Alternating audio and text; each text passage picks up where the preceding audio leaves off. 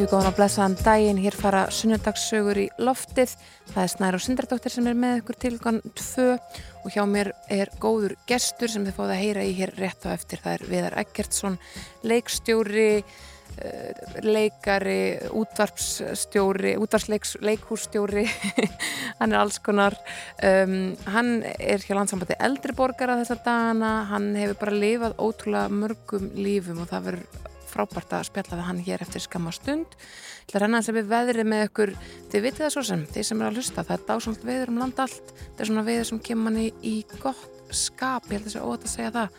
Þetta er svona veður sem maður stýgur út í daginn og ég satt að kaffehús á þann og það var algjörlega tróðfullt af fólki sem var að fá sér sunnundagsbollan og sunnundagskrossandið og það leiði alltaf svo vel í þessu veðri, það eru þrýr metrar á sekundu hér í eh, höfuborginni Það er bara svipað um landa allt, hægur vindur, heil sól, 14-15 gráður, uh, meiri sér upp í Búlangavík, þar sem vinið mínir eru þar sem þurfu alltaf að þóla að veðusbáðan sér verri en, en veðrið er, þar segir þessu 15 gráður og 3 metrar á sekundu og ég get ekki ímynda með hvaða pollur er þá, er þá þar í, í réttri vindátt. Uh, ég ætla að spila fyrir ykkur líka smá músík í dag eins og venjulega og það er að byrja þetta bara á Blinding Lights með Weekend.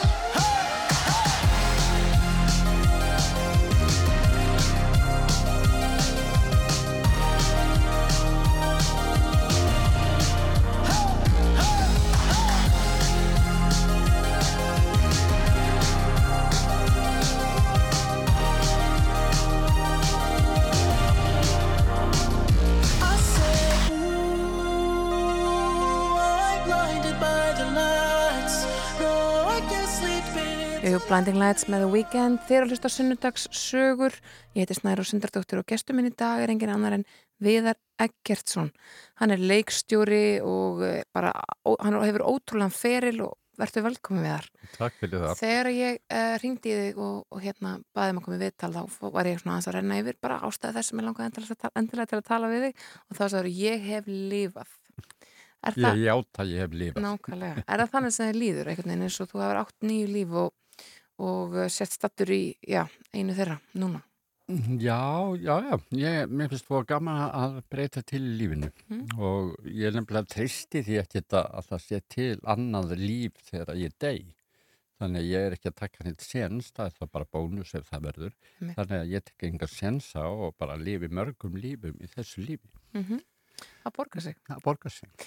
Sko, þú ert, uh, já, ég veit ekki hvort má, maður á að segja það, en uh, þú ert 68 ára gamall, orðin eldri borgari og, og vinnur núna hjá uh, landsambandi eldri borgara, en uh, þú ert kannski grunninn, þó þú eigir auðvitað opaslega farsalan feril hér á Ríkisúttarpinu, uh, þá ertu leikúsmaður. Já, ég varði heila leikúsmaður 11 ára. Það vildi svo til að þegar ég var 11 ára, þá bjó ég í Ytri Njárvík og þá fannst mér reyndar, eh, já, Ytri Njárvík var þannig þá, þetta er á þeim tíma, þetta er árið þú fættist, að þá var eh, engin gróður þar og það var bara svona möl og sandur og hraun og drullupollar og mikið rigning Mhm. og mér leið alltaf eins og ég væri bara í svona einhverjum hverstaslegum grámúrska þarna krakkinn og þetta haust sem ég var án 11 ára þá var félagsheimili stapinn vígður Mm. og þetta var óbórslega mikill viðburður í svona litlu bæjarfélagi að reysa þetta stóra félagsheimili sem að er þekkt í dag sem hljómahöllin og það var viksluháttíð í heila viku með alls konar viðburðum og þar á meðal voru tvær gestalegsinningar. Önnur kom frá leikfélagi Reykjavíkur og hinn kom frá þjóðlegúsinu.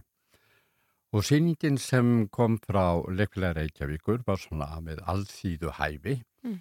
hinn sívinsæli e, gaman og söngvaleikur ævintýr og gönguför. Og ég nauðaði í pátækri móðu minni hvort ég mætti nú ekki para og sjá leikúsið.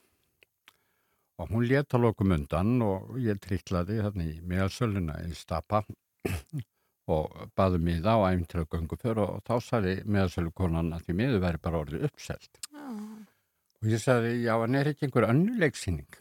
Hún sagði, jú, sagði hún svona, með svolum svona trega og svona dróð sér minn. Það væru, jú, síning frá þjóðlegúsinu, það væru tveir einþáttungar. Og ég segi, já, já, ég bara slappa með á þá. Og ég fór að þess að tvo einþáttunga. Það var ekkert mikið af fólk í salum, ekki á þeirri síningu. En þetta var óborsleg upplifun fyrir mig. Mm. Ég gjössamlega bara, ég bara varð heillaður og það sem var nú, sem ég var að sjá var annars vega, þetta voru svona absúrt leikrit, tvö, annars vega Jóðlíf eftir Ott Björnsson sem fjallaði um tvo einleikja tvíbura í móðukviði sem voru að rífast um hvort það væri til annað líf.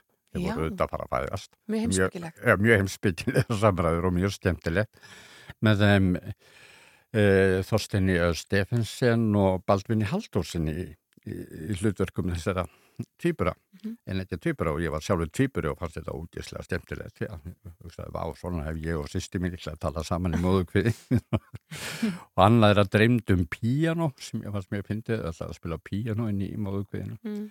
Og svo var hitt verkið eftir hlýja, það var einleikur eftir Samuel Beckett, Einmitt. síðasta seguband Krabs, Já. sem er bara einn maður á sviðinu að borða banana og hlusta á upptökur með sjálfum sér af Mhm. segulbandi. Spóla tilbaka og spila aftur og aftur og þar var Átni Tryggvason. Og þarna var sem sett eh, Átni Tryggvason, Baldvin Halldórsson og Þorstunni Stefisen, Samuel Beckett og Otto Björnsson. Þetta er bara rjóminn af Það var bara íslensku. rjómin af bara alheimsleikúsinu Já. sko. Nefna hvað þessi 11 ára snáði, hann bara heillaðist og sagði bara þetta ætla ég að gera því við stór og eins og börnir og þeim aldrei þá sjáðu fyrst og fremst leikaran sem auðvitað er fyrir framann þeirra og þá er það bara ég ætla að vera leikari svo auðvitað uppvitað með tíð og tíma að leikús væri mikið meira endur en bara leikarin Mm. En svo skemmtilega vildi til að já, rúm, já, það ætla að verið svona 10-15 árum síðar, það átti ég eftir að vinna með þessu, tveimur af þessum jöfurum sem að þarna voru í sama verkinu eftir þriðja jöfurinn. Og það var þegar ég var síðar pastráðin leikari á Akureyri nýjútskrifaður og það var, já, 15 árum síðar eitthvað lesbinn, að þá sitt ég alltaf inn á samlestri í leikúsinu og erum að lesa saman beðið eftir Godot eftir Samuel Beckett. Með Átna Tryggvarsinni sem einn af aðal, annan aðaleikran og Otto Björnsson sem hafði skrifað Jóli var leikstöri. Hvernig leiðir með það? Leiðir eins og væri einhvern veginn að feta fótspór risa eða að það hefði komið, lífið hefði farið heilan ring? Nei, mér fannst bara að þarna bara svona, ég var gætt svona sagt eins og ég er svo á krossinum sko, það er fullkomnað. Já, ég leiði. Það er bara, já, nú erum við bara, nú erum við lossis komin saman sem áttum alltaf að hittast sko. Sko lífið er svo magnað að tíminn er svo merkilegur og maður getur farið sem batn og sé fullur fólk á Mhm. leiksviði og eins og þú nefnir 10-15 ára síðar stendur þú sem jefningi þeirra að, og vera sko, samstarsmaður. Þetta er auðvitað eitthvað sem að svona, ég í fjölmjölum upplýða mikið að maður er alltaf að vinna með fólki sem maður hefur fylgst með alla æfi og svo framvegis. Um, sko, hver er- eru þínir samtíða menn í leikursinu og svona ef þú veltið því fyrir? Hvað, hvað fólk er það sem að er einhvern veginn þitt svona þinn kjarni? Það er sko, það er búið að vera ofsalega mikið af fólki samtíða mér í leikúsinu og þarna eins og ég er að lýsa, þarna er Otto Björnsson og þarna er Átni Tryggvason. Og það er svo margt af þessu fólki. Þegar ég er unglingur og, og ungur og er að hlusta þá er útvarsleikúsið auðvitað svona helsti, helsta leikús okkar sem að byggum ykkur staði fjari svona stóru leikúsunum ég Mhm. bjó lengst að bæði í Njárvíkum og Akureyri.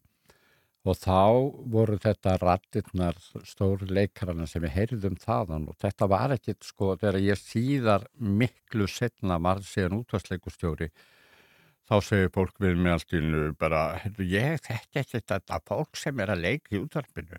Í gamla daga þekkti ég allt þetta fólk. Það var bara einfallega vegna þess að þetta var svo lítið hópur Já. áður. Kjarnin af íslensku leikúsfólki var ekkert svo stór og umfangið í leikúsi eitthvað smítið eins og er í dag. Núna eigum við miklu meiri fjölda af leikúslistamönnum af allavegna leikúslistamönnum og þannig að þegar ég er alast upp þá er þetta bara stóru rættirnar Helgi Skúlarsson og Helga Backmann og, og uh, Þorstein uh, og Lárus Pálsson og allt þetta fólk er að kynntist ég sumið þeirra léti með, sumt að ég átti síðar eftir að leikstýra. Mm -hmm. Mér var svo ógleimalegt að leikstýra Róberti Alfrísinni, mér fannst það mjög merkileg. Já. Mér fannst það bara, veist, og ég hef alltaf verið þannig að mér finnst alltaf fólk sem er eldri en ég, alltaf vera mikið eldri en ég. Mm -hmm. Hafði þó, ég átti mig á því í dag að sko þetta fólk, þegar ég, mér fannst það vera gamalt, það var eiginlega miklu yngra heldur ég er í dag. Mm. Ég man eftir í, þú veist, ég leik á móti Helgu Bakmann á stóra sviðinu tjólikúsinu í verki sem hétt Sögur úr Vínarskógi og þetta var mjög fjölmenn síningar og ósæðlega skemmtileg, skemmtilegt verk og skemmtileg síning svona minningunni og þá létt ég elskuga hennar þá, þá var ég 27 ára eða sko átti vera þessi aldurspunur þetta var ekki þetta eins og það hefði verið eitthvað kastað vittlust, ég var 27 ára og hún var 50, þetta var held ég 1981 Já, en þú fættur 54 og hún 31 Já, þannig að það er greiðlega munur. Já, greiðlega munur, það var þarna 23 ára munur. Mm -hmm. en þetta var partur af verkinu. Mm. og mér fannst það svolítið gaman að leika móti henni, en mér fannst þetta mjög, mér fannst hún alltaf ossalega gömul. Mm -hmm. En mannastir sem er 50 í dag finnst mér ekki nákvæmlega. af því ég er orðið eldri en hún.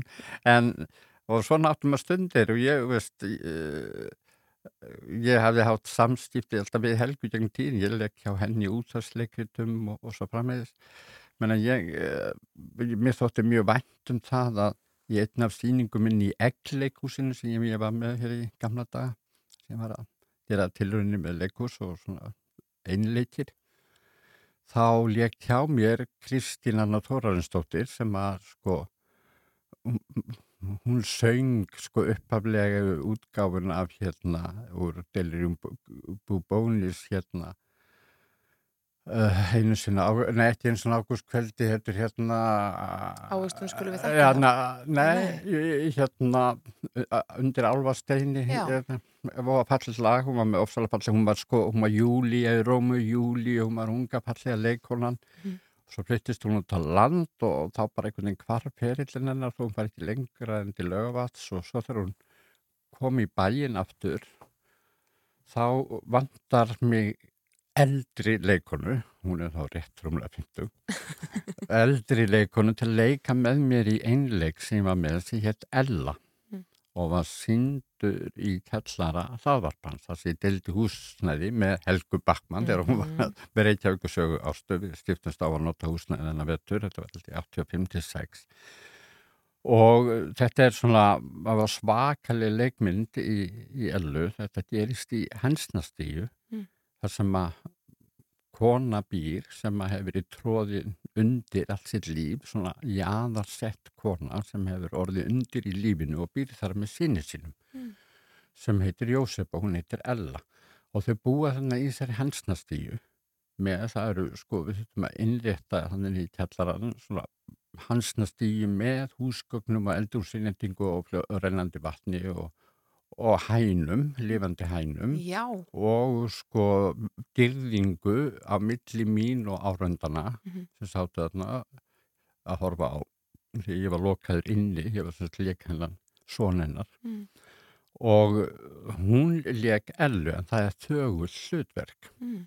þetta er tveggja tíma eintal án hlés sem ég flutti wow. og það er engin punktur að koma í handritinu það er bara enda laus orð og stundum sko maður reynir að greiða í sundur textan þá er þetta hálfa setningar og svo grýpar hann fram í byrjun svona eins og oft talmál er. Svona avantgardsýning eitthvað? Nei, mér finnst þetta bara óskapellin. Já, ok. óskapellin. Okay. Þetta er maður fyrir að læra hann texta þá var þetta svona eins og allþjóðum málfar sko Þorgir Þorgirsson títið og Þísku Þískur höfundur og þá var þetta svona allþjóðu dungumál eins og tala maður í brakkakverfunum. Mm gamla daga, mm. það, er svona, það er við, þó við segjum að við tölum allir sömu íslensku, þá er það ekki þannig það ekki og það kom einmitt fullorðin kona á síninguna frá þessari kynslu og það bara hvað er lærði drengurinn að tala svona og mm -hmm. þá var þetta bara málfærið sem Þorgi notaði í tíningun sinni og þetta er eins og talmál oft er að þú byrjar að segja eitthvað og þú klárar ekki setninguna þú kemur aðra setningu og mm -hmm. svo kemur endur tekningu og þetta byrkist hann í handrétun sem ég þetta læra að það var bara endalus orð og enginn koma eða punktur eða neitt og þetta var svaka flótið að læra þetta. En nema hvað, ég plýt alltaf þennan texta og að því að þessi drengur hann er að leika móðu sína. Mm. og hann segir þetta allt í fyrstu personu í frásögn hennar. Mm. og Kristín Anna Þórensdóttir satt þarna alla síninguna það var svona förður svona eins og maður með kaun og hún var í svona einhverjum bleikum greisluslopp og flókaskóm og satt þarna í slitnum hægndastól allar síninguna þögul meðan ég segir um sögu þessara personu og, og það gerði sko að þetta var síðasta hlutverkiðnar Kristínar Önnu það er indislegu leikonu. Og þarna er hún sem sett gamla Júlia í Róma Júlia kaunum hlaðin mm og leikur þarna utan meldu mannestu og svo gerist það að hún veikist meðan við erum að sína síninguna og er svona matvarinn og hún leita sér um, lækninga eða fyrir læknist og þetta eftir svona tölvera rannsóknir og tíma þá kemur í ljós að hún er með krabba minn og er öll undir lögð mm. í krabba minn mm. og hún vill fá að leika síninguna áfram. Ég spyr hana, ég veit ekki, bara hætta. Og hún segir, nei, nei, ég vil leika síninguna áfram. Og hún er með þess að komin á spítala og maðurinn hennar ber hana inn í leikhúsið. Keirir hana á spítalarn og inn í leikhús og ber hana inn og hún sest á hægindastólinn í búningnum sínum og svo gerist það á einnig síningunni að að, að, að, það er í öllum síningum þá einum stað undir lokin þá þegar hann raunverður fremur sjálfsmarð í síningunni mm. Gaurinn, strákurinn Já, Sónurinn, hann er með svona dukku kaffistell og er að hella upp á kaffi enda dukkulum og setur svona assenning út í Já, og drekkur svo sjálfur kaffið og dreipur sig og þá á hún að standa upp Mm. og öskra og taka brúður sem hann hafi verið að leika sig með þarna við kaffiborðið sem var klætt eins og hún Mm. og rým hana í sundur bæturna og hausinn og allt af henni Mm. nema allt í henni á einnig sýningunni að undirlótinu þá er ég búin að drekka kaffið og döður innan gæsalöpa Já, já. og hún stendur upp svona næstum því og öskrar og ég heyri þarna litjand á gólfinu þykjast vera döður að þetta öskur sem kemur frá henni er ekki leikið. Nei. Það er raunverulegt sásauka öskur. Mm. Það voru bara að byrja inn í sér alla sýninguna, þetta er tvekja tíma sýningu, þetta er undir lokin, sásaukan sem að hún er kvalinn á sýningunni og hún er svo samvisku sem leikuna að hún lætur ekkert uppi en þetta andatak sem hún fær að losa út þá losar hún raunverulegan sásauka sem er innra með henni Mm. og bara líkamlegur sásauki og þá var ekki að spyrja leikslokum Nei. svo ég við rættum við eftir síningu að nú stildum við hætta Það var síðasta sýningin. Já. Mm. og hún alveg sátt við það og, og hún er fyrir aftur á spítalan en svo vill hún ekki að ég koma að heimsækja sig. Mm. ég spyr manninnar nú akkur ekki? Hún vill ekki að þú munir eftir sér eins og hún er orðin. Hún vill að þú munir eftir sér eins og hún var. Og það fyrst mér virðingavert Mm. og auðvitað virti ég það. En þetta er eina af þessum stór stjörnum að þú varst að spyrja mig sko um að Nákvæmlega. samferða fólki í bara þetta er ein af þessum stóru stjörnum það þarf að færa mikla fórnir til að vera stjarnar. Mm. En fyrir þig að gert sem viðar seg, fyrir þig viðar sem að hérna uh, ert uh, að setja upp þessa sýningu á þessum tíma og leikana og svo framvegis um, þú ert alveg upp hjá fátakri móður. Uh, sko, hugsaður eitthvað út í það þegar þú settir þessa sýningu upp? Hafður bjóstu til þessa tengingu innra með sjálfum þeir og sótturu sótturu uh, eitthvað, eitthvað, eitthvað úr reynslubankanum í þessa sýningu? Já, já, já, ég fannst ég verið alveg að leika móðu mín eins og leika þess að ellu já, Já, það, mér fannst þetta þetta var bara mitt fólk, þetta var bara minn staður. Mm, þetta var bara mín fortíð. Mm, þannig séð sko við byggum aldrei í hensnastíu en, en þess að sko örlög þessara konu í þessu verki voru mjög, mjög, mér mjög nærtæk þetta var algjörlega svipuð staða og raunum eru móði mín og margar konur sérstaklega eins og ég þekkti það upp úr mér í síðustu öld en við miður þá er fullt af fólki við þess að sömu aðstæður í dag. Við erum til miður ekki fullkomnara þjóðfélagi en það að við látum það viðgangast að, að það sé fólk sett út á jáðarinn að við getum sett fólk einhvern veginn í þá stöðu að það á ekki upplýsna vonar það er bara einhvern veginn past í einhvers konar aðstæðum sem það ræður ekki við og eru óbærilegar. Það er fólk sem býr við fátækt og býr við alls konar mismunum sem er því miður í gangi hversu vel sem þetta þjóðfélagi tekst að vera ríkt þá, þá er þetta fólk ekki ríkt. nei hvernig kona var mamma þín? Mm. Ég bara veit það ekki, hvað ég að segja, hún var, hún var móði mín. Mm, það getur verið flókið Já, já, ég held hún hafi átt við sína að djöfla að draga eins og flestaðar, ég held ég hafi nú ekki átt að með á því fyrir þegar hún var látin að, uh, að hún hafi raun og veru átt við geðviki að stríða einhver leiti sem var það aðalega þunglindi. Já. Og þá fór ég að rifjast upp fyrir mig sko það sem hún lá í rúminu mánuðum saman þegar ég var bann. Mm. Og ég maður þegar vorum 12 ára þá, þá fór hún alltaf úr rúminu í marga mánuði hver sá það um þig? ég held ég hún aðalega gert það sjálfur ég svona, var að eila stöndu hlutskipti mitt þarna í belskunni þegar vorum bara þrjú ég og móðu mín og tvipura sýstir að, að hún svona held ég bara óttaslegna virðingu fyrir mér Mm.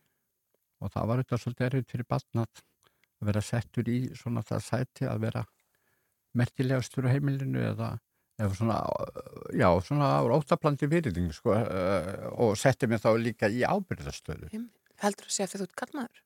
bæði og, já, Já. bæði og, já.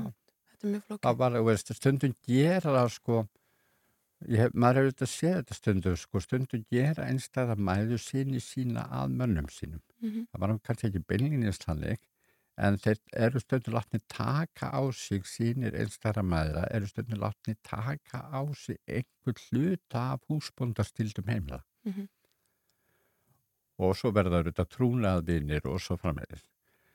Þetta er svona, minni mig á vingurum mína sem er nú látið núna og var leikona og hún var um tímabili einstað móðir, hafði stílið við basföðu sinn og var með svon sinn heima og við vorum að vinna síningu og þá hún svona þessa sögu vorum að fjalla um um samband maðra í þeirri síningu og þá, eh, maðgna og þá sagði hún þessa sögu á sér og sinni sínum að, hún hefði hérna farið veginn til læknis og, og með soninn og, og þá hefði hann farið að spyrja hana hvernig lífiðu lifðu Mhm. Og hann eh, spurði hana og sefur hann upp í hjá þér já, svaraði hann Nei, nú fer þú og kaupir handunum rúm Einmitt. hann á að sofa í sínu rúmi og þú ert að sofa í tínu rúmi já, menn svo, hann er svo gott að vera hjá mér svo, nei, Nei. hann á að vera í sínu eigin rúmi og þú í þínu rúmi Mhm. hann er sonuðinn, þú ert móður hans Mhm.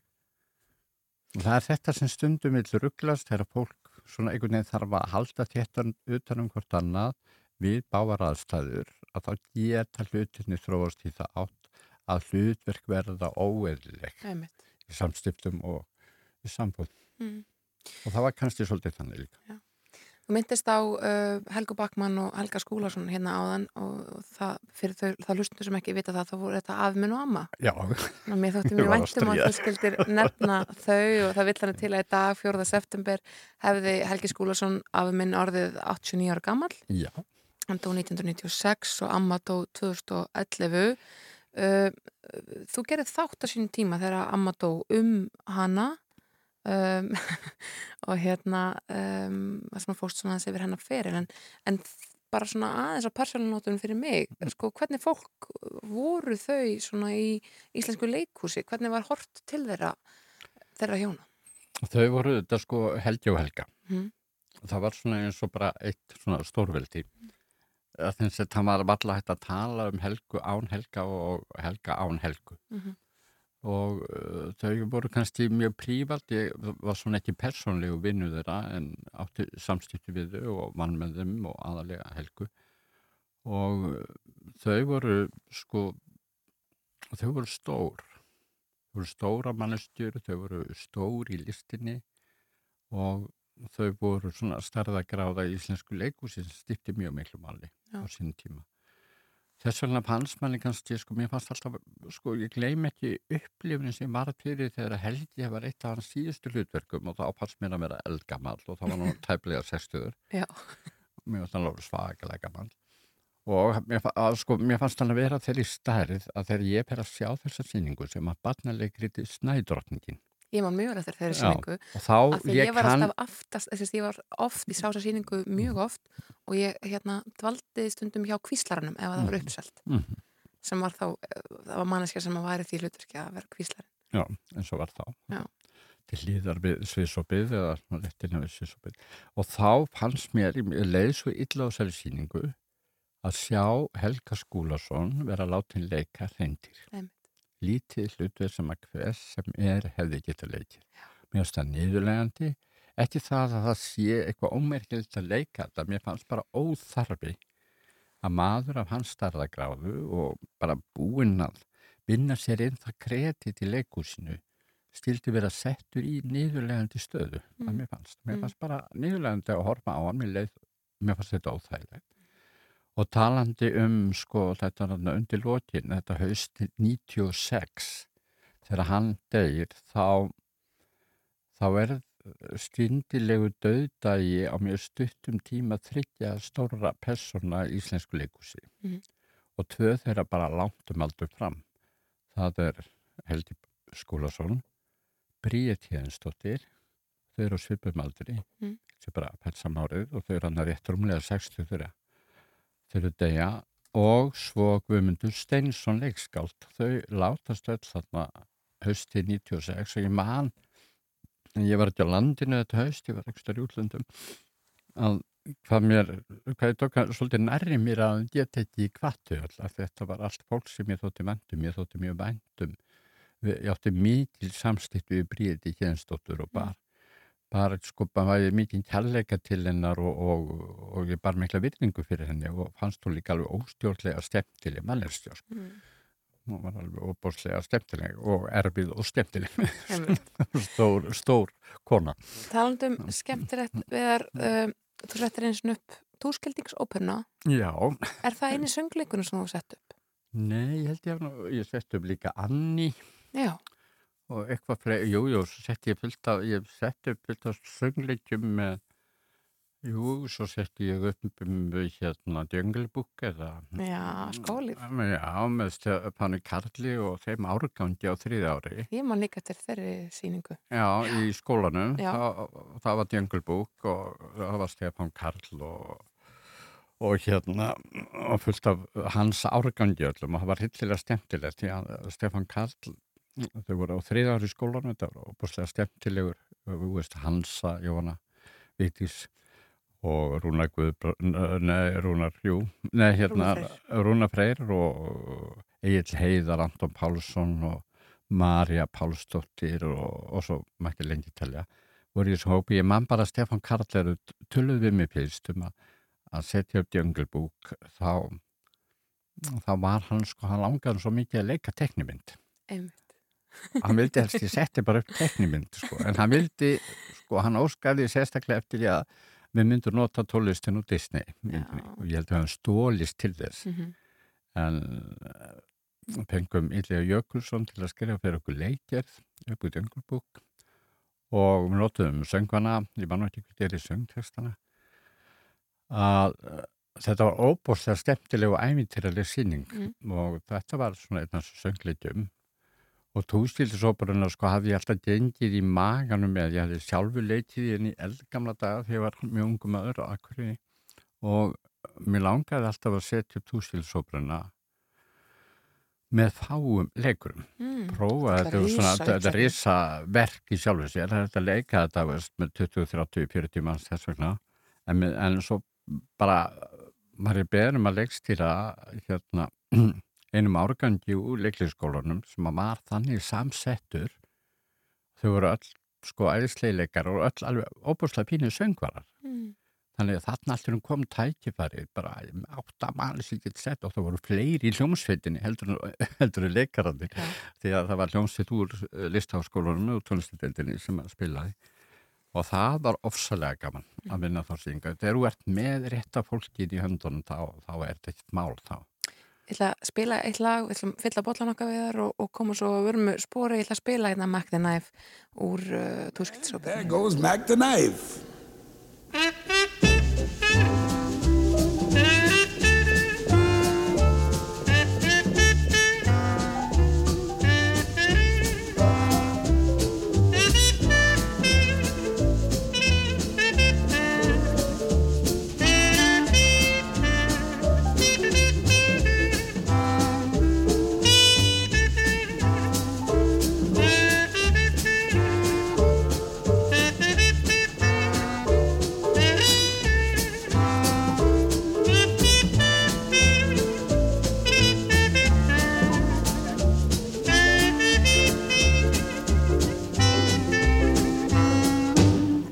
The shark has pretty teeth, dear, and he shows them a pearly white.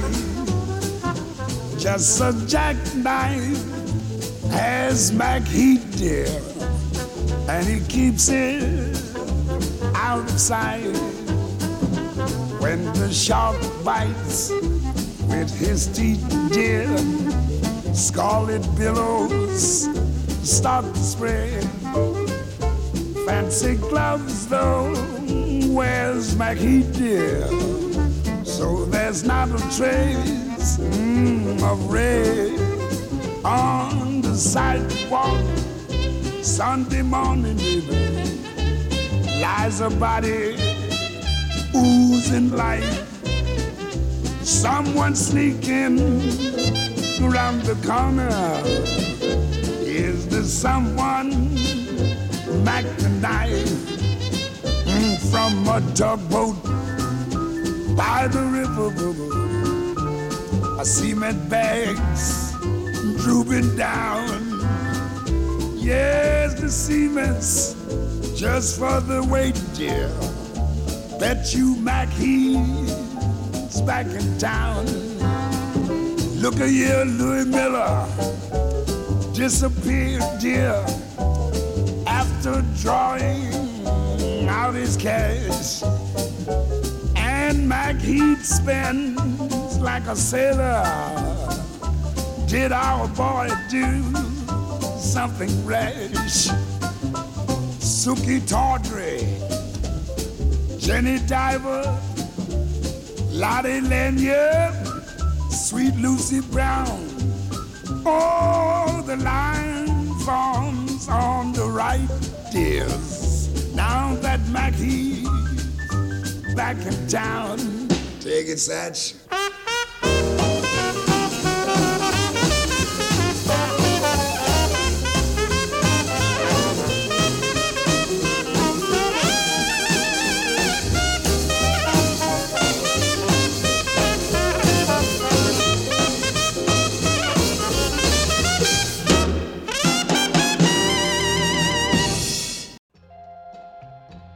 Sunnudagssögur. Alla sunnudaga strax eftir hátegisfréttir. Já, og það er sunnudagur núna og hér setur Snæra Sindradóttir með viðari Eggertsinni leikstjóra. Við erum að fara yfir já, all hans nýju líf og uh, eitt af þeim um, er þetta hins einn lífið. Þú ert giftur Sveini Kjartansinni, matrislumeistara sem að, uh, var með þætti hér á Rúf meðal annars og hefur verið viða fyrir manna þinni kynnslóð, fættur 50 og eitthvað. Sko, hvernig var það komið skapn? Já, sko, mér fannst ekkert mál. Nei. Nei, bara sorry. Það má bara segja það. Bara leiðilegt að segja það. Kannski, kannski hef ég bara líka verið svo stinsamur á sín tíma að ég valdi mig fljótslega þannig pélarskap Mm.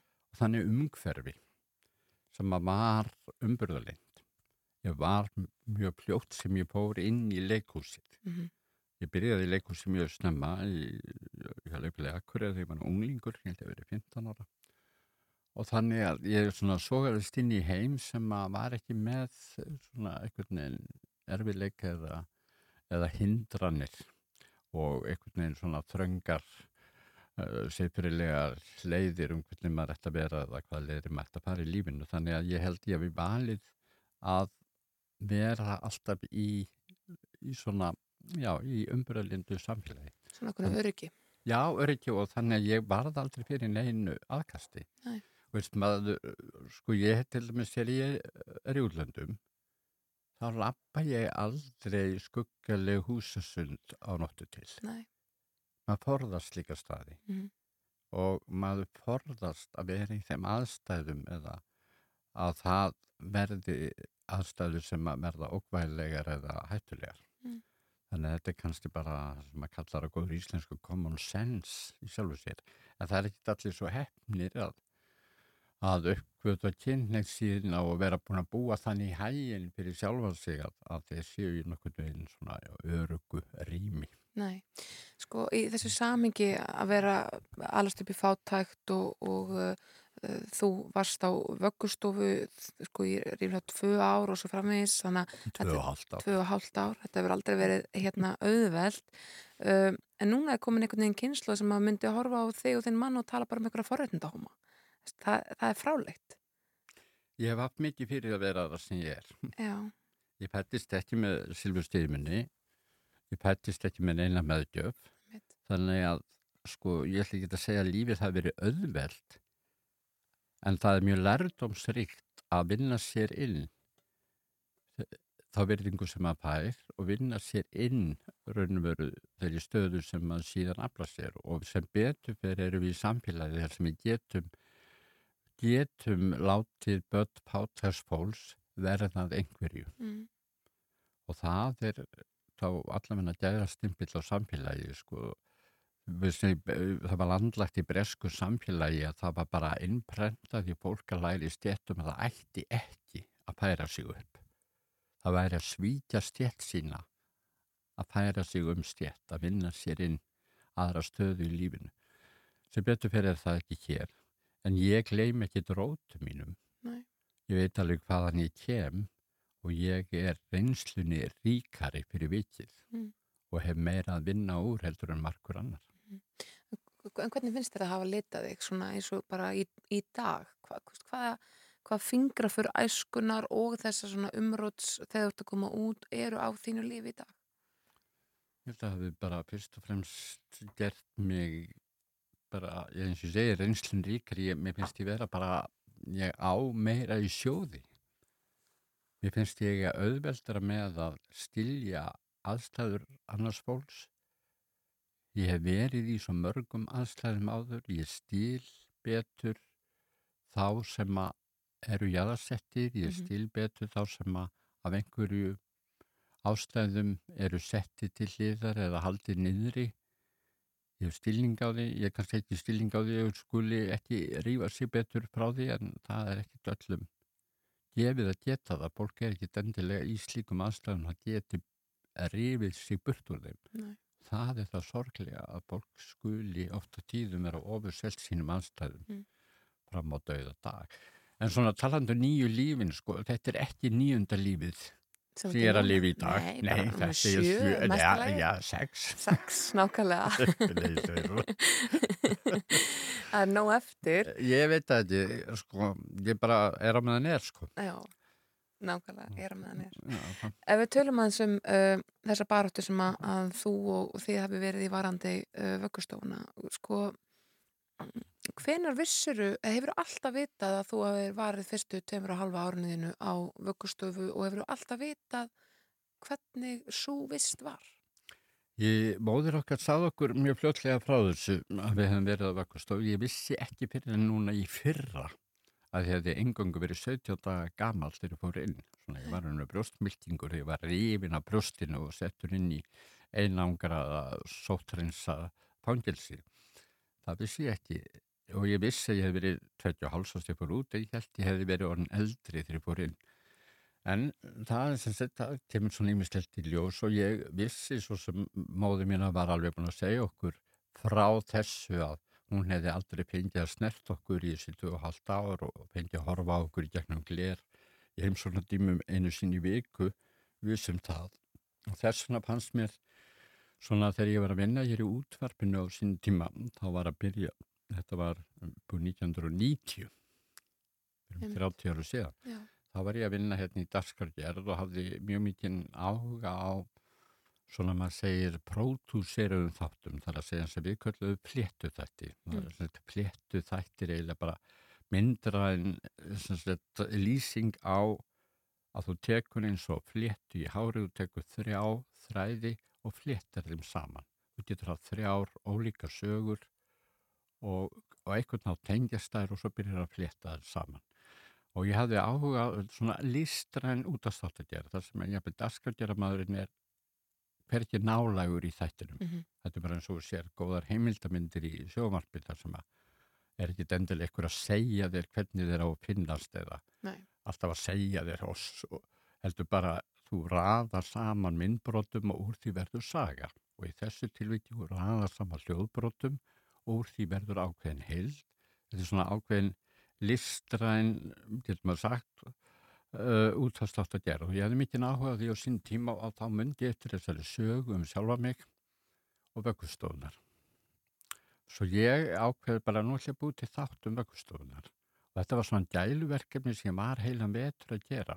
Þannig að vetur í 92-3 og þá fór ég svona að afla mér upplýsingar um þessar vöggustofur og og ég byrjaði semst, ári áður ringdi ég í móðu mína mann ég og spurði hana og hún sagði bara ég man ekkert, Nei. bara ekkert Æ, ég er ekki verið að spyrja með þessu, ég man ekki Mm.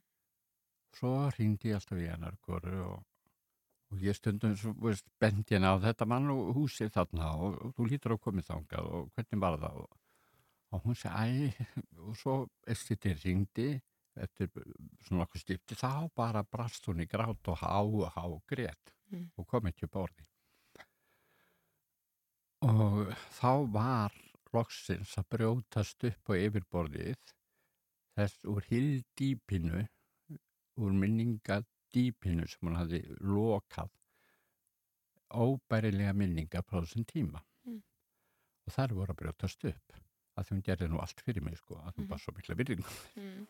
var alveg til að gera það og svo fór að lokum að hún, þetta kom allt upp á yfirborðu hún ringi loksist í mig og þá byrjum hún akkuriri og segir við að minn ég er að koma söður, ég skal koma og segja þau söguna.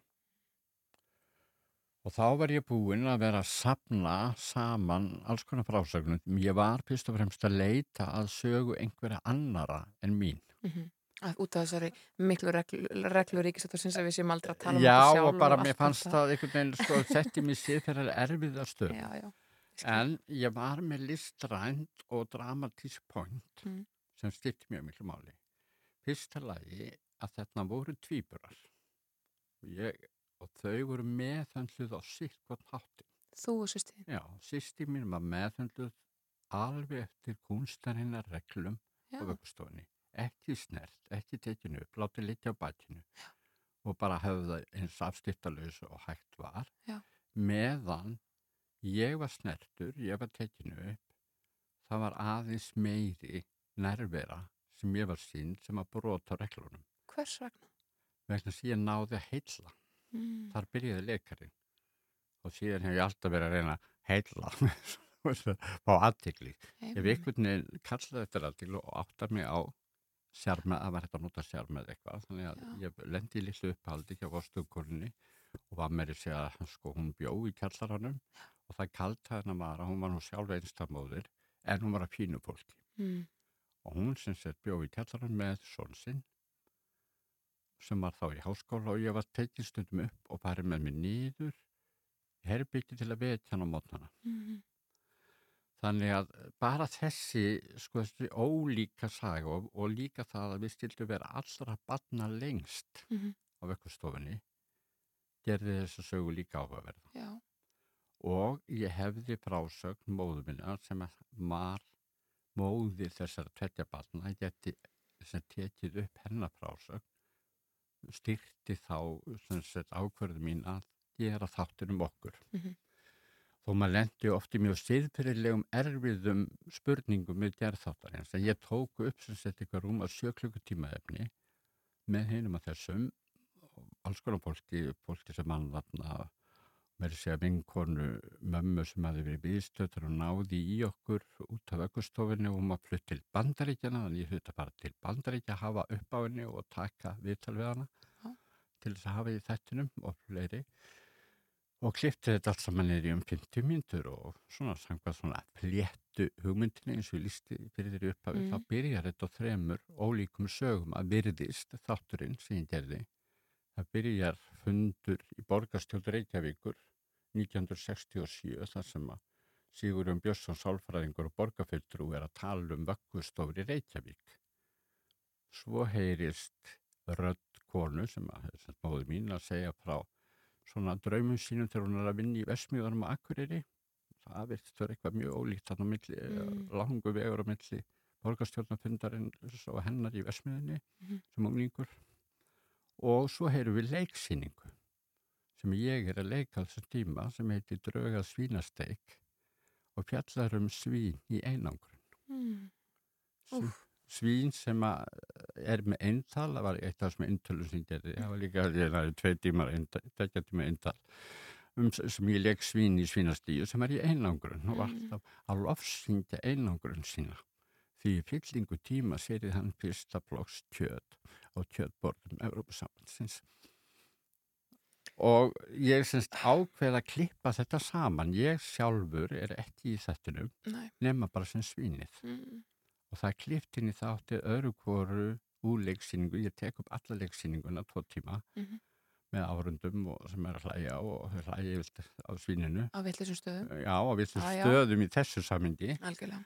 Og svo sem sagt, þegar er komið frásögnin móðurinnar þegar er komin heldur bara inn á 7. 8. mínútu í þættinum þá er hún sem þetta ófrísk og vona tvípurum og fær þess að ráðgjöf að setja börnin á batna heimili vökkustofu, hvað heitir hún aftur segir hún í þettinum hvað heitir hún aftur og þá klippum við yfir á Sigurum Björnsson í ræðinni sem er að tala um vökkustofur í Reykjavík og segir og hún heitir Hlýðarendi Já. og þá smetla all, allir þrýr þræðinni saman Magna. í eina sögur. Þetta er sem svona útastátt að gera sem, og ég var sérst að búa til listaverk en, en um leið þennan þátt sem að hétt eins og dýr í búri sem er setning sem að vinkora móðu minna sem að bjóð sér í bandaríkjunum hafði sagt um okkur þegar við komum út úr vöggustofinni, hún var vitnaði, hún segi bara það mátti ekki snerta þau, þau kunni ekki að tala um eitthvað tungumál sem þau töluðu sín á milli.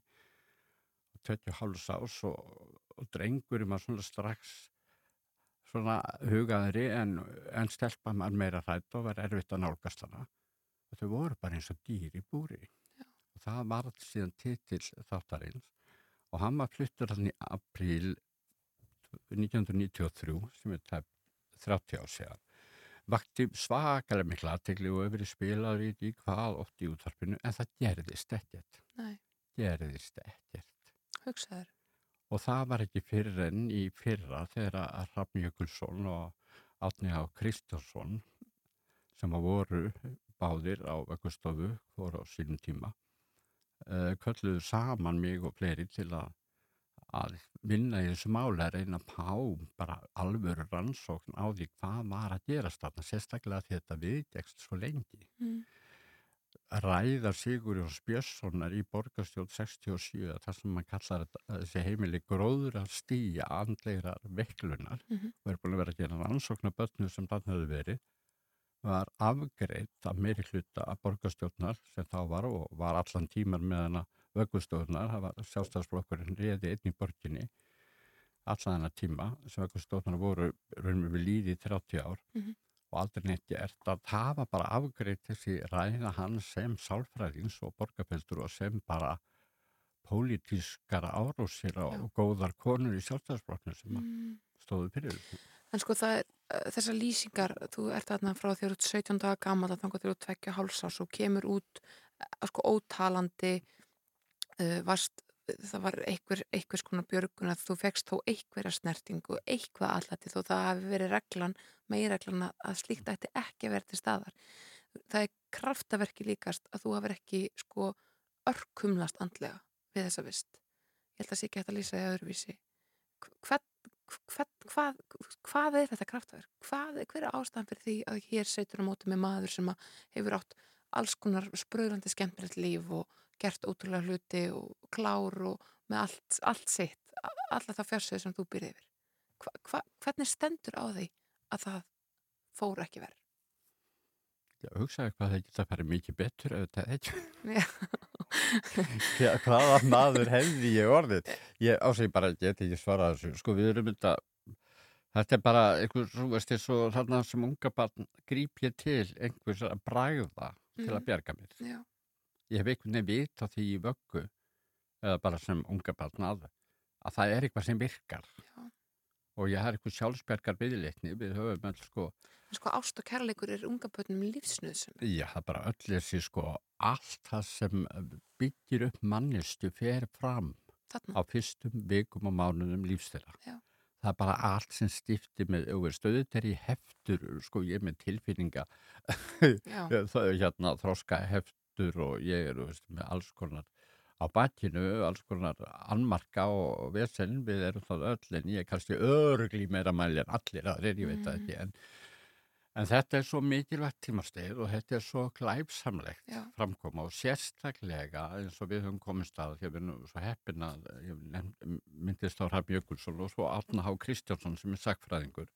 Hann er makalus maður sem hefur gengið gegnum miklu meiri og stelvilegri hlut en ég því hann bara, honum var bara áframhaldið og alls konar stopnunum framettir öllum bass og ungningsaldri en er einhver merkilegsta mannlega sem ég heitt í dag hann er lærður sakfræðingur og hann hefur verið að sapna mjög merkilegum gögnum marðandi vöggustofnar og hefur skrifað skýslur og viknaði í bara gögn sem tiltak eru. Að þá hérna kemur strax í ljós að það fóru fulltrúar Reykjavíkuborgar 1952, tveimur árum áður ég fættist, þremur árum eftir að vöggustofna var stopnuð, á ráðstefni í Noregi, þar sem fjalla var um hver skaduleg svona meðferðum æra á börnum. Mm. Og það hefur ekki alltaf verið sagt, já, fólk vissi ekki betur. Jú, það vissi betur. auðvitað vissi fólk. Og 1967 þegar að Sigur Björnsson heldur þessa ræðu, eftir það, veist, vöggustóðar heldur meira og minna áfram alveg til 79. Já. Fólk vissi betur. Já. Og ágætt korna skammaði mér nú sín tíma fyrir að kalla þáttinn minn, þarna útastáttin eins og dýri búri og sagði ég mitt, sko, fólk vissi ekki betur og þá var ég svona að velta fyrir mér ætti að kalla hann frekar í góðri trú. Ég alveg sé það núna að ég hafði rétt fyrir mér, það var ekki rétt að, að þau var gert bara í góðri trú. Þetta var vitað og, og það er sem merkilegt eins og bara þeir sem koma að þessu vöggustofum á sínum tíma, fórstöðu konan, hún er að mjög góðu fólki komin, hún hafði lært barna hjúgrunn út í Danmarku, eignast þar svon sem hún tekur sér með sér til Íslands. Og hún er sem búin að vera starfsmæður barnavendar, hún er búin að vera í barnavend, hún er fórstöðu kona, hún hittir þess einstöðum mæður á öllum stígum Mm. er þessum mæður sem að þurfa að leita þessar ásjár og það var setið að þeim og ég vissi þetta fyrir núna þetta er átni búin að segja mér með sínur ansóknum Mm. að það var setið mjög stíft að þessum konum og reynda báða til að gefa börnin sín og það var ekkert farið svona venjulegt eins og er í dag með svona ströngu perli hver tekur ball fólk gætt bara komið og hangið á glugganum eins og mæðurnar sem að fengi ekki að koma inn að snerta börnin sín og voru í heimsókn þá var kannski bara við liðin á við gluggan fín kona út í bæja að velja sér barn kannski sama barnið og hinn var að horfa á Já. og það er gætu líka svo eða þau fólki gætu svo stíla börnun Mhm. eða henda þetta þetta var svona eins og þegar fólk stíla þetta ellutýrum Mhm. hendar ekki nú heimilið En ástæðan fyrir því að þið endið aftur uh, þið sískinn hjá móður ykkar er hún svo bara að það var enginn að fara að taka við tömbötnum með það? Að þið voru eitt pakki sem að hún vildi ekki, vildi ekki láta okkur hendi. Hún vildi þeim. Nei, hún fekk ímins tilbúð bæði frá ættingum og vinnum og öðru fólki um Mm. að taka okkur. Ég vil tá í sikurlegi Nei, hún ætlaði sér. Þetta, er, sko, þetta er staðan sem er upp á þessum tíma. Það gæti hvaða kona sem er í sjálf sér lendi þessar stöðu sem hún lendir í. Mm. Hún er rúmlega 30, hún er ekkert unglingur. Nei, mitt. Hún er rúmlega 30 þegar hún eignast okkur. Hún er bara, það er yfirfull reykjavík af, af fólki sem fluttur á landsbyðinni. Það var alltaf að finna verri húsnæðismálhendur í dag. Fólk var að hafast við í tjöllu, sakkaföllum, tjöllurum og bröggum og hafalóttum og, og hún, eins og hún var bara að leiða herbyggi hjá einhverju fólki út í Mm. bæ og vinna hérna í vinnuvattagerðinni eða einhverstaðar og, og, og það er ekki fæðingarorlof. Mhm. Veist, hún er bara hægt að vinna með tvö börn og það er bara enga tekjur Mm. og fyrir utan að fara inn á heimili annars fólks og leiði herbyggi með tvö unga börn, það var heldur ekki auðsóð. Var, var hún pappi var- ykkar aldrei einu myndinni? Nei. Nei. Og það að því vorum að tala um sko eh, svona þess að sko að gera þátt um sjálfan sig er bara ekki reglur út af sig þetta er líka bara það er stiðferða reglur sem maður lendir ekki af sjálfan sig Mm maður þarf að vera mjög meðvitaður um siðferði Mm. Og þetta þegar maður þurft að taka með ákveðinu gaggrinni öllu sem að sagt er sérstaklega móðumanns sem hún segir manni þó ég hafa enga ástæð til að við fengja það í sjálfu sér að þá kemur að því að það vantar eitt hlekk í frásögn hennar það er það þegar hún er búin að setja okkur inn á vöggustofuna þarna við lögur þá flytur hún til Njarvíkur Mm. Fyrir að vinna hjá íslenskum alvertökum og það er sko meirinn að segja það á þeim árum að keira á milli Njarvíkur eða Teflavíkur og Reykjavíkur. Þá var þetta bara hólóttum malavegur og fólk varð venjulega bílveikt á leiðinni. Já, þannig að þetta var svona nánast eins og að fara bara já bara, ég veit ekki, bara ófærur bara Mhm. fara yfir hálendi til þess að fara til Akureyrar eða eitthvað slíkt. Og, og ég spyr hana veist, ég varða på stýringa og ég byrju hvers megna perður svona langt frá börnum Mhm. að þú ferði heimsækjum alla sundaga og þá er þetta fyrsta lagi sko, þarna er uppgripsvinna sem hún fær. Það er ótyrar húsnaði sem getur til en hún er að flýja föður okkar. Mm. og ég segi verða að báta, það verður að vera stiljanlegt og hún færi stundan og svo segir hún loks það sem er svolítið erfitt og siðfyrirlega erfitt að hafa með og ég veldi lengi fyrir mig hvort ég ætti að hafa með í þættinum þegar hún segir bara sennilega að hann hafi hótað henni bara líkamlegum meðingum og, og hún yrði ef að þetta kemur fyrir aftur að drepa sig Já. og eins og hún segir þetta að hann ætlaði ekki að drepa mig, ég átti að drepa mig Og ég bara stað. Og ég auðvitað verið ofsalegum vandræðum hvort ég að hafa þetta með þættinu þannig eru mjög alvarlegar ásakanir Mhm. á mannestu Sem var enda á lífi þá. já, sem Já. er það lífið þá við hefum ekki samstilti en ég hef þetta með það, það ég ákveð það, ok, það, það verður að vera eitthvað stýring Mm. Og þarna sko áður var fæði minn búin að vera að setja sér í samband við mig, menna ég var nú af orðin á þeirra tíma mæli hvaða þjóðþektum maður og Nákvæmlega. og ég bar nú nafnið hans og, og svona Mhm. hefði ekki það verið Huldusson svo huldu mig að hérna og fyrir hann svona að hafa samband við mig og í þessari frægu leiksýningu sem ég var að segja frá áðar með önnustínu Þórarins Já.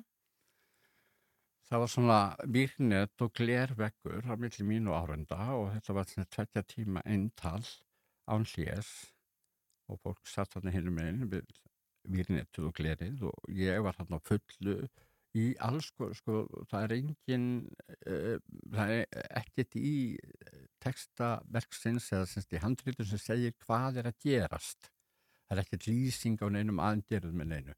Nema þetta var ísku leikstjóri sem setti upp þessa sýningu með mér og hann let mig gera heimilisverk allan tíman Mm. ég var bara áveist, ég var að elda og ég var að, hérna, að þvó stórþótt og hengja upp og ég var að strauja og ég var að hella upp á kaffi og, og hænurnar sem ég var með sem þurfti að fá að geima alltaf upp í laugatali og bónda og keira þær í leikhúsi fyrir hverja stingu og keira þær tilbaka, þau voru þarna inn í stíunni svona leikhænur Já. Lifandi hænur og sagt, það var þannig útbúið að það sagt, var ein döið hæn var líka alltaf hverju sýningu falin þannig að einhvern tíma þurfti ég að hlaupa svona um alla stíuna og, og láta mikið fjárafólk vera og þykja strepa eina hænuna Mhm. Eða sem grípa eina hænuna það var þessi döið sem falin og fólk hljælt ég Auðvitað. og einhver áhörðu fullir hann bara drap hænu og svona ég tek hana og hálsegg hana og reit hana og sjóð hana Það verður að leikusins. Já, allt þarf ég að gera, sko, stöðu heimilistöður, Mm. mjög brútal mörg, en allt nákvæmlega, hann, sko, leikstöður var mjög nákvæmur í því ég ætti að segja þessa setningu og Mm. hérna ætti ég að stera. Svo segði þessa setningu og þá ætti ég að gera þetta Mm. og allt nákvæmlega upp á príkubúnd og þegar hann var búin að leggja svona sýninguna, að æði bara í þrjár vikur, bara hver þessa blaðs í dag, hína blaðs á morgun og svo bara mannstöðu þetta sem við gerðum. Ekkert bara renna því aftur eins og í íslensku leikúsi. Þetta bara læra sýningun á þrejum vikum Já. og svo fekk ég einu sinni að renninni og svo bara frumsýning. Og ég átti að muna að allt nefn mann sagði þegar voru búinir að fara í gegnum allt verkið, þar sem allt var svona nákvæmst, sagði, svo vona ég eitthvað komið fyrir, þannig að þú þurfur að breyðast við sjálfur. Já. En þetta er grunnur. Ok. Nefna hvað, eignistýningunni, ég er að bara sem tek svona málmbala sem ég seti í krana við vorum svona uh, byggt svona litla eldúrsýningu og það var svona krani og ég fyrir að skrúa frá krananum til þess að láta renna í balan til að fara að þóa stórþótt og þá bara springur kranin af Já. og vatni bara guðsast yfir mig og ég bara tek upp kranan og reyna að tróða honum á vasslýstunum og stoppa og það bara gengur ekki Mm. Og ég hama svona og það byrja að blæða vatnum gólfið og ég held áfram með textan og það passar ekki lengur neitt við neitt. Ég var ekki að gera réttu hlutina en ég hafði í huga orð þar sem vona að koma eitthvað fyrir. Og svo bara allt inn segir aðstofamaður minn sem var eh, sem nýláttinn núna Margret Guttórsdóttir heitinn blessu sér minning hennar, hún var aðstofamaður minn á síningunni og var berast allarsfrétt hennar núna. Mm. og hún bara kallaði til mig ef ekki að taka hlýja og ég bara sko var ekki til í orðabók Nei. minni í þessar síningu hlið. Tveggja tíma síning Já, þetta með á engu að vera engu Nákvæmlega. Jú, það var bara ekki dumman að ræða. Og þá byrjar svona fólk að standa upp í sannum og þá stendur maður upp á fyrsta bekk og segir við þér minn á ég ekki hjálpa þér. Og það pappiðin. Þá satt hann hann á fyrsta bekk Vissir ekki á honum?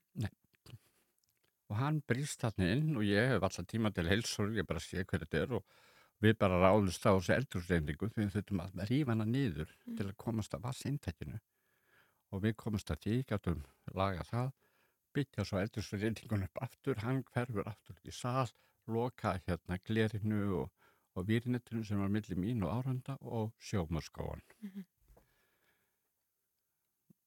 Þetta er 86. Þátturinn fyrir lofti 93. Já, ég skil. Hann hefur samband þarna þess að milli. Eftir að þátturinn er komin í lofti heyri ég aldrei frá honum. Nei.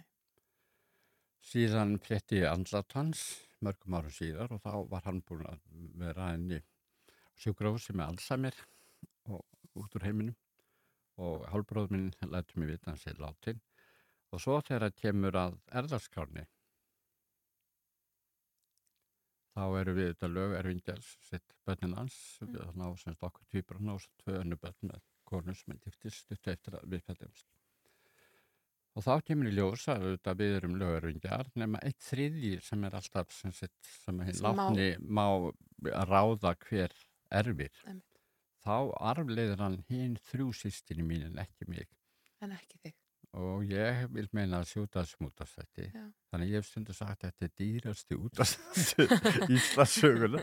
Það voru kannski ekki mjög miklu penningar en Nei, nei. það var heldur ekki mjög mikið borga fyrir útastætti. Einmitt. Svo ég held að þetta verið dýrasti útastáttu söguna gerði. Mm. En hann er enn við líði og það er hægt að lusta á hann í spilar rúf ef að fólk leitar að eins og dýr í búri hann er hægt að finna þar. Við, við höfum ekkert rosalega mikinn tíma í viðbót og mér langar að, hérna, þetta búið að vera ótrúlega yfirferð yfir. Er þetta ekki fyrst í sunnudagur að mörgum? Ég, bara, ég held við verðum að gera það. Ég held að ég, að við verðum að fara að skrifundu bara nei, hérna, útgáðsamningum æfisögu. Um, uh, kannski bara svona rétt á einhvern veginn allt öðrum nótum. Uh, þú lifir bara fallegu lífi í dag í þingkoltunum með manni sem að elda fyrir það því að hann er kokkur. Sko, hvað er hérna, uh, hvað serðu fyrir þér einmitt að líf 7, 8 og 9 verði? Hvað er næst, hvað er planið? 7, 8, 9. Já, af því þú sagðir hann að þú, þú ert ekki á Já, lífinu já, já, nýju, já. skiljur mig? Núna erum við á er lífi ekkert, 6 eða það er 7. ekkert langtíma plan, sko. Nei, Ég er búin að, þú veist, maður tekur alltaf eitthvað sem að, uh, veist, maður tekur eitthvað úr sínu, sínu nærumhverfi og gerir það sínu, sko.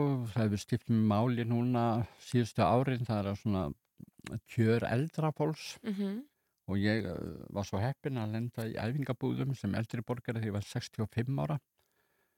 Fyrir þreymur árum þá fór ég að vinna sem sett fyrir landsabbat eldri borgara og það var mjög sniðut að að byrja í svona æfingabúðum og kynna sér sko öll, öll, öll máli sem var til þess reynlega að ég bara, að ég fór í frambóð fyrir síðustu alþengiskostningar að þetta var bara hita mál fyrir mig að, mhm, að það væri sko upp til 20.000 eldri borgar á Íslandi sem væru að lifa á kjörum sem er undir framfæslu einmitt. og mér fannst bara að ég ætti erindi að breyta þessum lögum sem að því þetta er bara mannana verk þetta er ekkit náttúru lögmál að hlutinni þurfa að vera svona.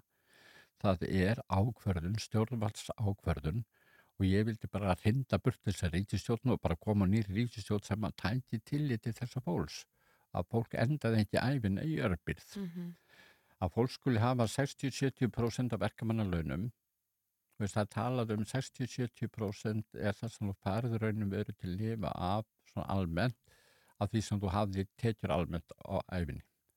Og það er bara ekki nægjalegt fyrir lálina fólk. Nei, Þannig að þessuna fór ég í frambúð og komst ekkit inn en, en það stifti máli að stifta sér af stjórnmálastarfi fyrir kostningar því að þá fær maður allavegna maður fær hérna ræðubúst og maður fær ákveði svið til þess að standa á og maður fær aðtikli til þess að koma málefnum að Mm. og maður getur uppfrætt samherja sína og ég er mjög ánaðu með með hérna þingmennina sem að bóru inn í þessu flotti sem ég bauð mig fram í sem var samfélkingin og, og mjög stemtilegt að yngsti þingmaðurinn í, í floknum tekur einmitt málefni eldrabóls pastarinn tökum en okkur annað þingmaður sem ég heyri í vetur mm. og það er Jóhann Páll og ég bara opbúrslega ánað með það Já. þannig að þetta bara límið til svona að það bara tekur eitt við af öðru Það tekur eitt við af öðru Viðar Ekkertsson leikari, leikstjóri, útvarpsleikurstjóri, fyrirverandi. fyrirverandi, allt takk kærlega fyrir uh, spjallið, það hefur verið algjör heiður að hafa